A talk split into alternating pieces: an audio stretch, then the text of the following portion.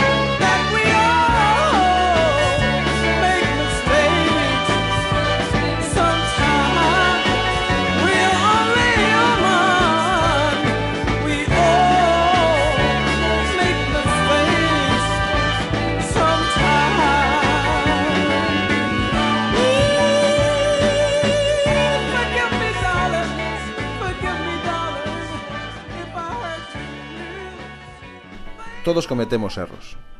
A historia da humanidade está chea de decisións equivocadas. Algúnas desas equivocacións son o, o resultado das eleccións que facemos nun momento dado. Eleccións lóxicas, eh, ben meditadas, aparentemente sensatas, e que, sen embargo, resultan ser desacertadas. Outras veces, esas decisións equivocadas parten de algún pálpito, de algunha intuición que temos e que cremos infalible, malia que co tempo revelase pouco afortunada.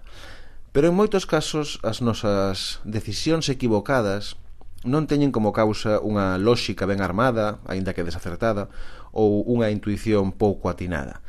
En moitos casos, os nosos erros proveñen do azar, dunha moeda lanzada ao aire que non cae polo lado que mellor nos iría, non? Unha desas moedas mm, un tanto maniáticas que caen polo lado erróneo demasiadas veces aproximadamente a metade das veces. Todos nos equivocamos pola razón que sexa, todos. Todos nós cometemos erros constantemente. O que pasa é que algúns deses erros son tan graves que convértense en equivocacións imperdoables. Hoxe, en Cara B, imos falar dun dos erros máis grandes da historia da música. E xa vos adianto que se decidides acompañarnos no relato desta tremenda equivocación, e desacertar. Nos, queridas e queridos ointes, sempre somos opción correcta.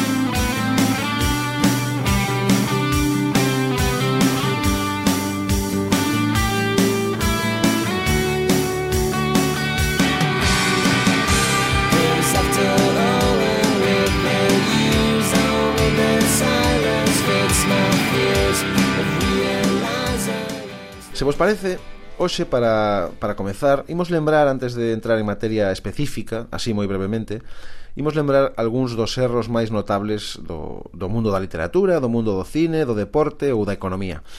Por exemplo, o, o, o grandísimo erro que cometeu Robert Gottlieb, o editor do selo literario Simon Schuster, cando reseitou publicar A Conxura dos Necios, aínda en vida de John Kennedy Toole, argumentando que o libro, abro comiñas, a pesar da súa boa trama, non ten unha razón de ser, non trata realmente acerca de algo. Bueno, iso dixo Robert Gottlieb acerca da conxura dos necios. Semellase bastante o que dixeron durante anos varias compañías de cine xaponesas cando se negaron a producir Os Sete Samurais, xa que, segundo a súa opinión, esa película sería demasiado occidental para o público do Imperio xaponés. Pouco despois, durante a ocupación do Xapón por parte das forzas aliadas, esas compañías dixeron que Os Sete Samurais sería unha película demasiado oriental para un Xapón que estaba dominado por Occidente. Manda carallo, eh? Pero se vos lembrades tamén o Real Madrid descartou insistir na fichaxe de Andrés Iniesta, por exemplo, cando este tiña 12 anos e acababa de, de destacar no torneo infantil de Brunete, porque no Real Madrid opinaban que como futbolista non chegaría a ser nunca un xogador decisivo. Ainda que eh, un dos casos que máis me chama a atención a min é o de un mineiro australiano chamado George Harrison George Harrison, sí que no ano 1886 vendeu por 10 libras, tan só por 10 libras, os seus dereitos de explotación sobre unha mina na que pensaba que non había prácticamente nada de valor. Ben, pois esa mina resultou ser un filón de máis de 100 km de longo e do que provén case a metade de todo o ouro xa máis extraído no planeta. Dende aquel día, eh, cando este George Harrison abandonou a, a cidade de Witwatersrand coas súas 10 libras Dende aquel día non se sabe nada máis del, aínda que rumoreábase que, que fora devorado por un león. En fin, era un tipo con, era un tipo con sorte o tal George Harrison, que dúbida cabe. Música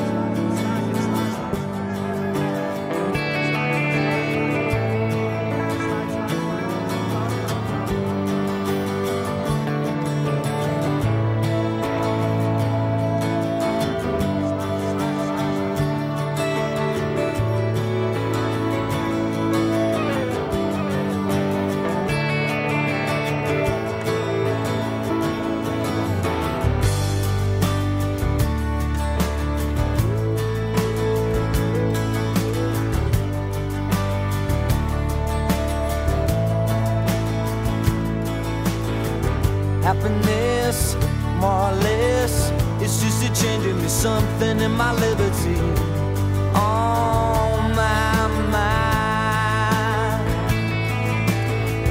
Happiness coming and going. I watch you look at me, watch my beauty.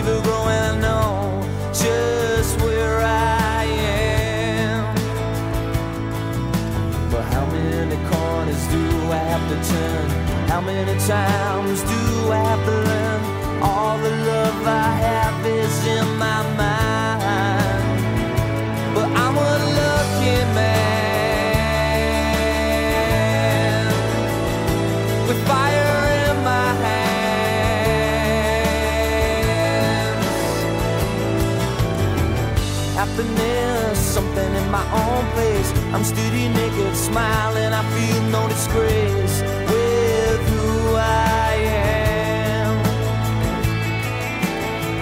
Happiness coming and going. I watch you look at me, watch my feet are growing, I know.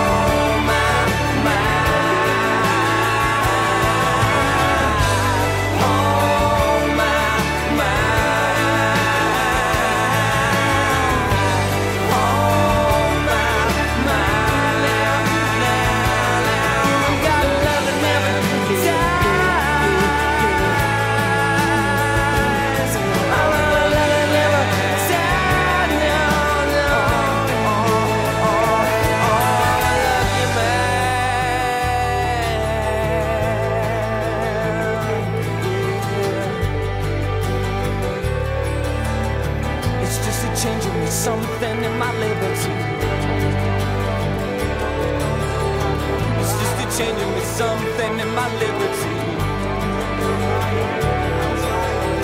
It's just a genuine something in my liberty.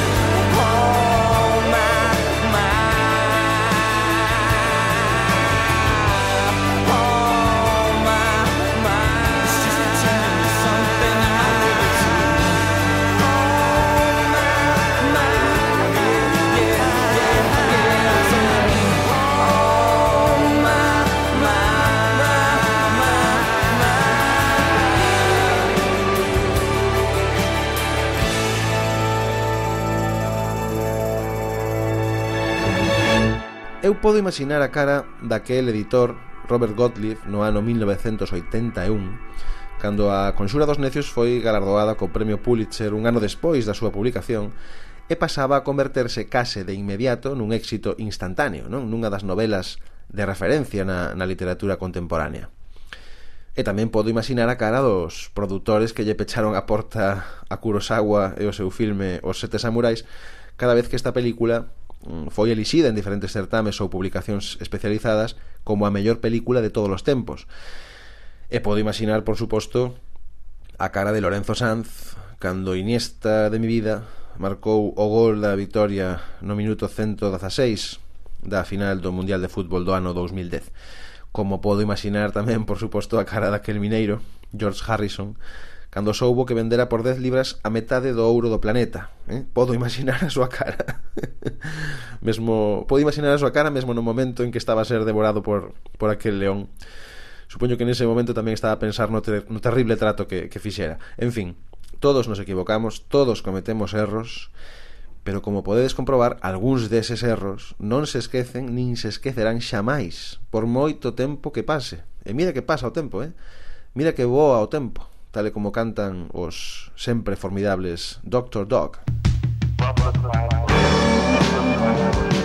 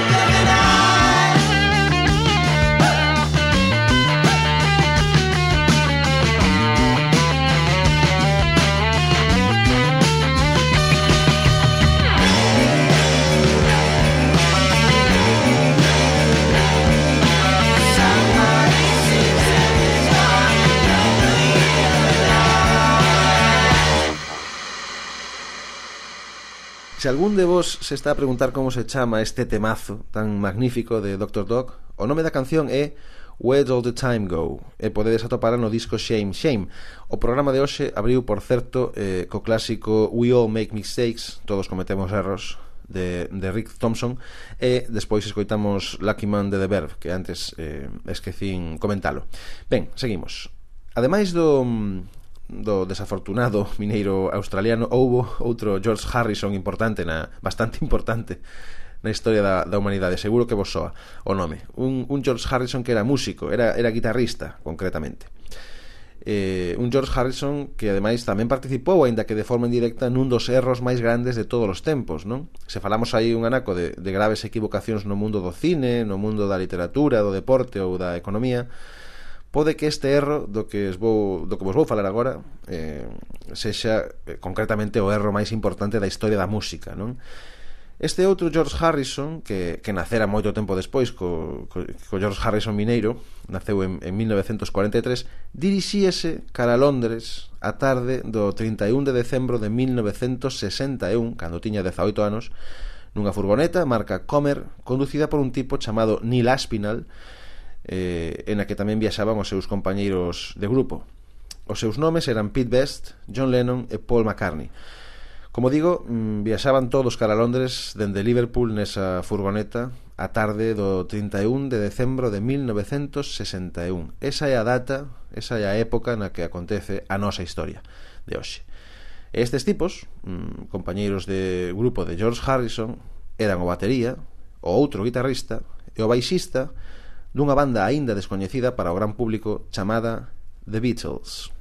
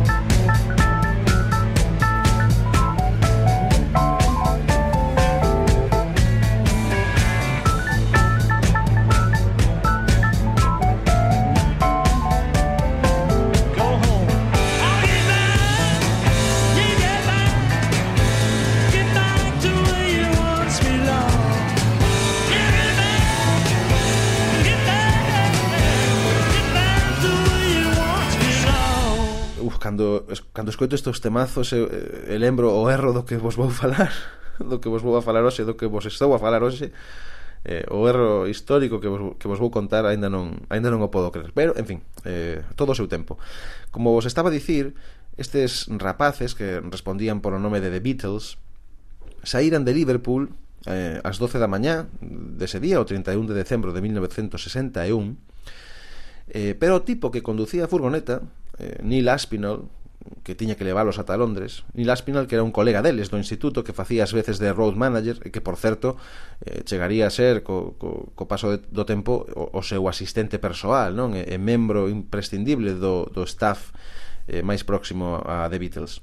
Ben, pois, este Neil Aspinall, como dicía, que, que tiña que levaros a, a Londres o, o 31 de decembro de 1961, perdeuse. Perdeuse no camiño cando ía os mandos eh, daquela furgoneta. En total tardaron máis de 10 horas en chegar de Liverpool a Londres, ou seja, en percorrer un traxecto de apenas mm, 350 km, non?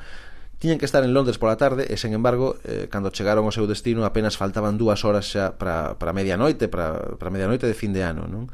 Tal e como lembraría máis adiante John Lennon, chegaron xusto a tempo para ver os borrachos saltando na fonte de Trafalgar Square.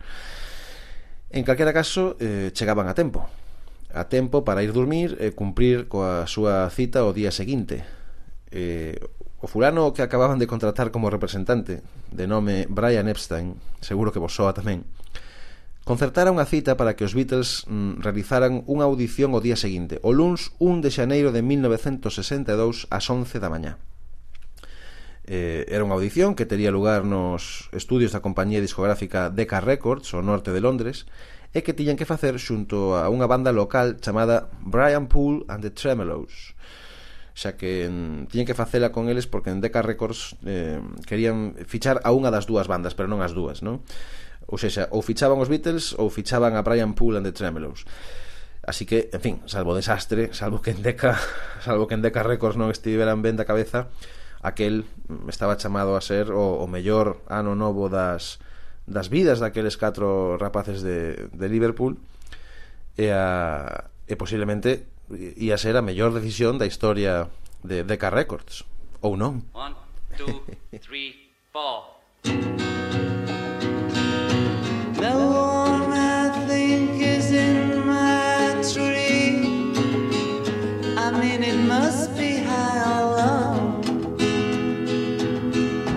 is you can. It's alright. That is, I think it's not too bad.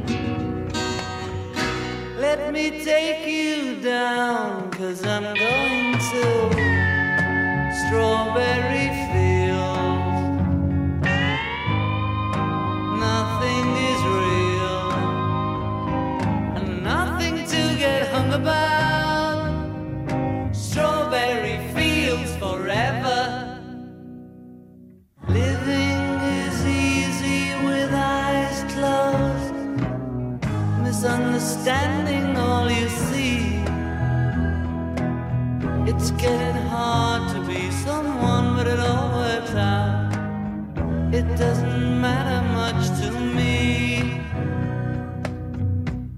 Let me take you down,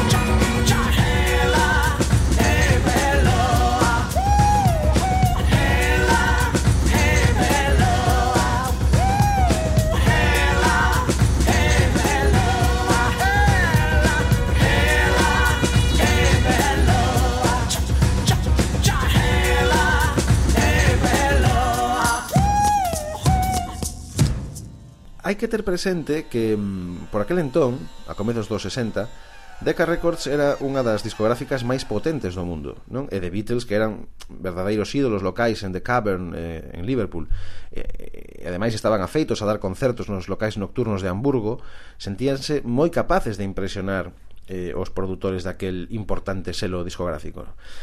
Os Beatles tocaron durante unha hora no, no repertorio que, que eh, estaba formado por 15 cancións incluíronse versións moi variadas, como por exemplo Crying, Wailing, Hoping de, de Buddy Holly, Memphis, Tennessee de Chuck Berry ou Bésame Mucho de, de Consuelo Velázquez. Sabedes que foi un repertorio moi ecléctico e tamén había temas orixinais de Lennon e McCartney como Like Dreamers Do, Hello Little Girl, eh, Love of the Loft. Tal e como relata eh, o biógrafo Mark Levison en The Complete Beatles Chronicle, eh, o entón produtor de Decca Records, Mike Smith, prometeulle a Brian Epstein que nunhas semanas comunicaríase esa decisión que tomase a compañía con respecto eh, da, da fichaxe da banda. Eh, a Mike Smith preguntaronlle se, se podían gravar a sesión, el contestou pois que non vía ningún, ningún problema, aínda que hoxe sospeitase que para obter esa grabación Brian Epstein tivo que desembolsar certa cantidade de cartos a, a cambio. E esa cinta na que se grabou, como digo, a primeira audición de, de The Beatles, Eh, foi vendida pola casa de Fame Bureau no ano eh, 2012. Foi vendida moito tempo despois eh, o seu comprador, un coleccionista de música eh, xaponés, pagou por esa cinta 35.000 libras. 35.000 libras, eh? son esas cousas que suceden cando estamos a falar dunha das mellores e máis influentes bandas de todos os tempos. One, two,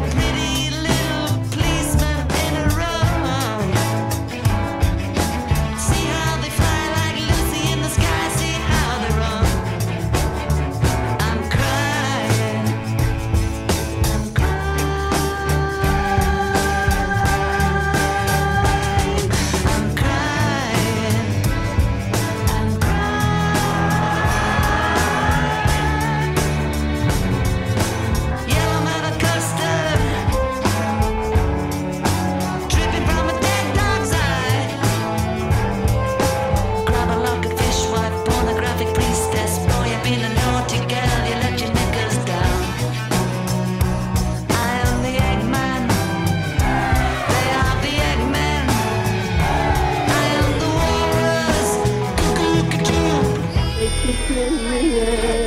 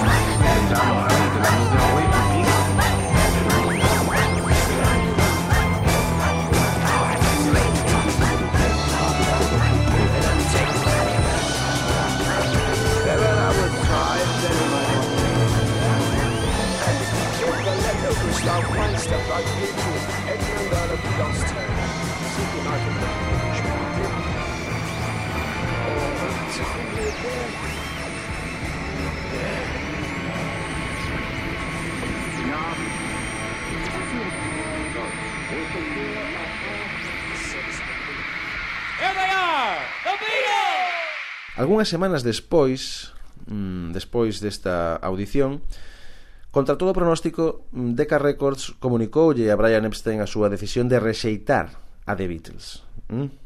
Ou seja, unha discográfica rexeitou a The Beatles. Decidiron non fichar a The Beatles e que os ficharan outros, non? se, se, se non é un erro isto, eh, miña nai, no seu lugar eles preferían fichar a Brian Poole and the Tremelows eh, en fin, non se sabe moi ben quen tomou esta, esta decisión evidentemente desacertada, non desacertadísima aínda que eh, se sospeita que puido ser o propio produtor eh, da compañía Mike Smith ou ben eh, seguramente foi o buscador de talentos Dick Rowe, aínda que tamén se di que, que puido ser o, o membro o, o membro de, do grupo de Shadows e tamén produtor da compañía Tony Meehan, eh, que en se cadra pois, puido encargarse de, de, de rexeitalos E de feito foi el quen produciu persoalmente a grabación da sesión dos Beatles naquel 1 de xaneiro de 1962, entón o mellor non lle gustou. Non se, non se sabe.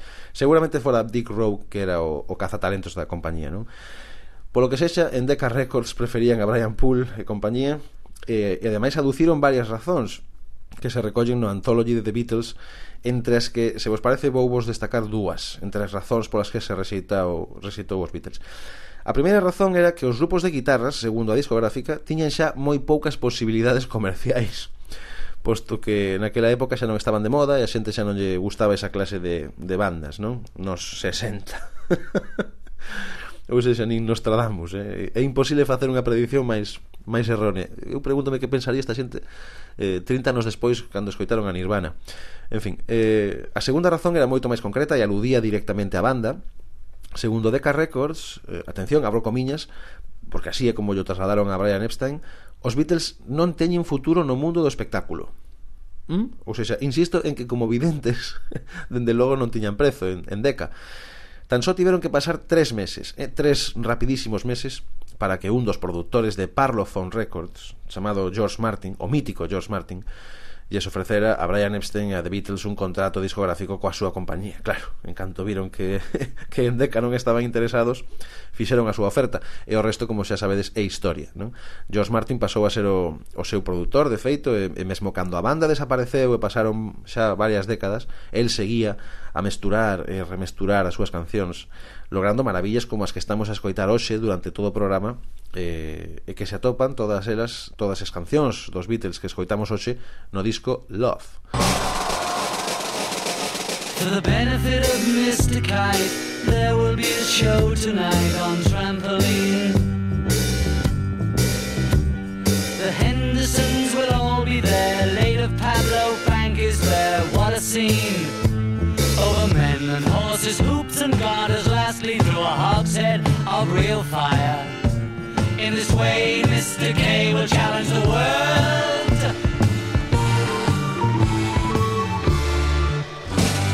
The celebrated Mr. K performs his feat on Saturday at Bishopsgate. The Hendersons will dance and sing as Mr. Kite flies through the ring. Don't be late. Letters K and H assure the public their production will be second to none. And of course, Henry the Horse dances the waltz.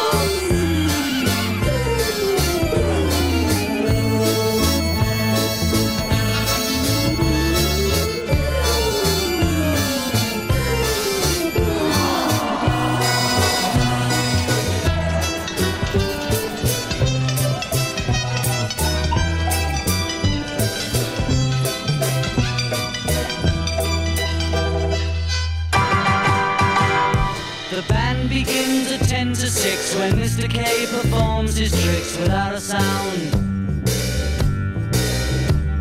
And Mr. H will demonstrate 10 Somersets he'll undertake on solid ground. They've been some days in preparation, a splendid time is guaranteed for all. And tonight, Mr. Kite is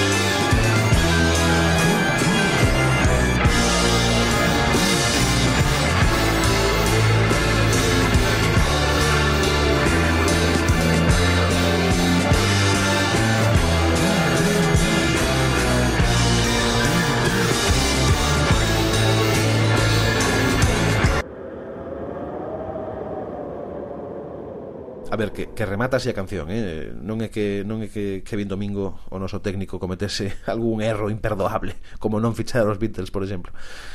En fin, hai unha hai unha subhistoria dentro desta, desta historia que me gustaría que coñecerades eh, xa sabedes que neste programa falamos da parte de atrás da historia do rock e do pop da cara B dos feitos que dan forma ás lendas musicais e hai unha, unha subhistoria que me gustaría que coñecerades Música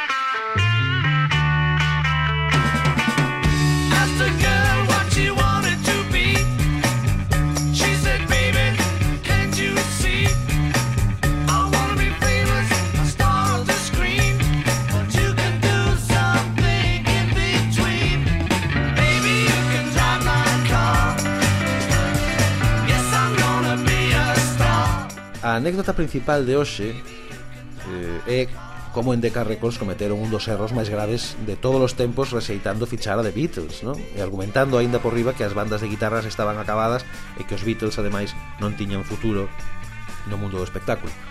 Moito ollo porque isto foi en 1962.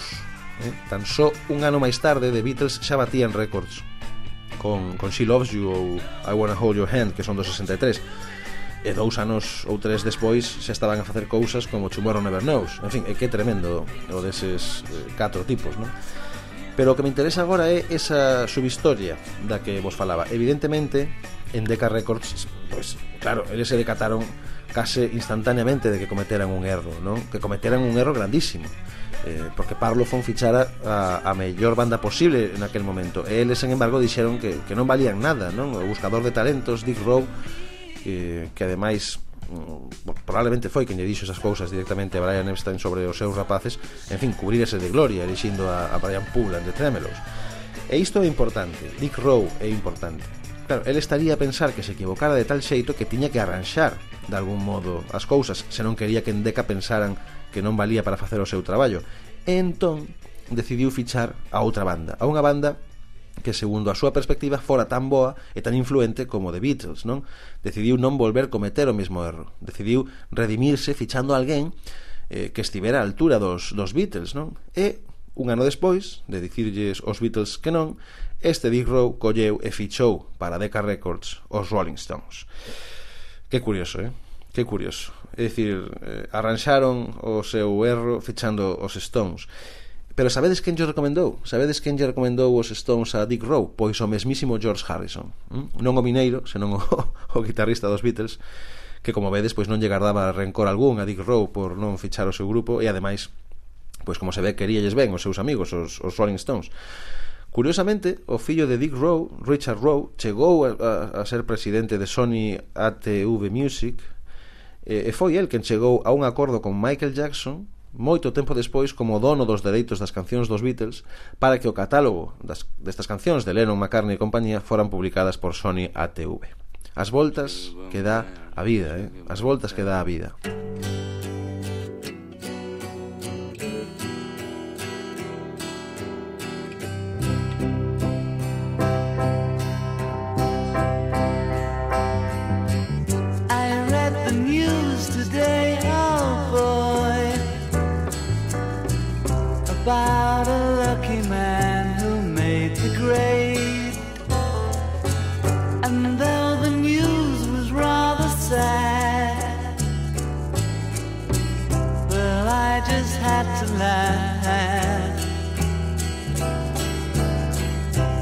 saw the photograph. He blew his mind out in a car. He didn't notice that the lights had changed. A crowd of people stood and stared. They'd seen his face before. Nobody was really sure if he was from the House of Lords. I saw a film today, oh boy. The English army had just won the war. A crowd of people turned away. But I just had to look, having read the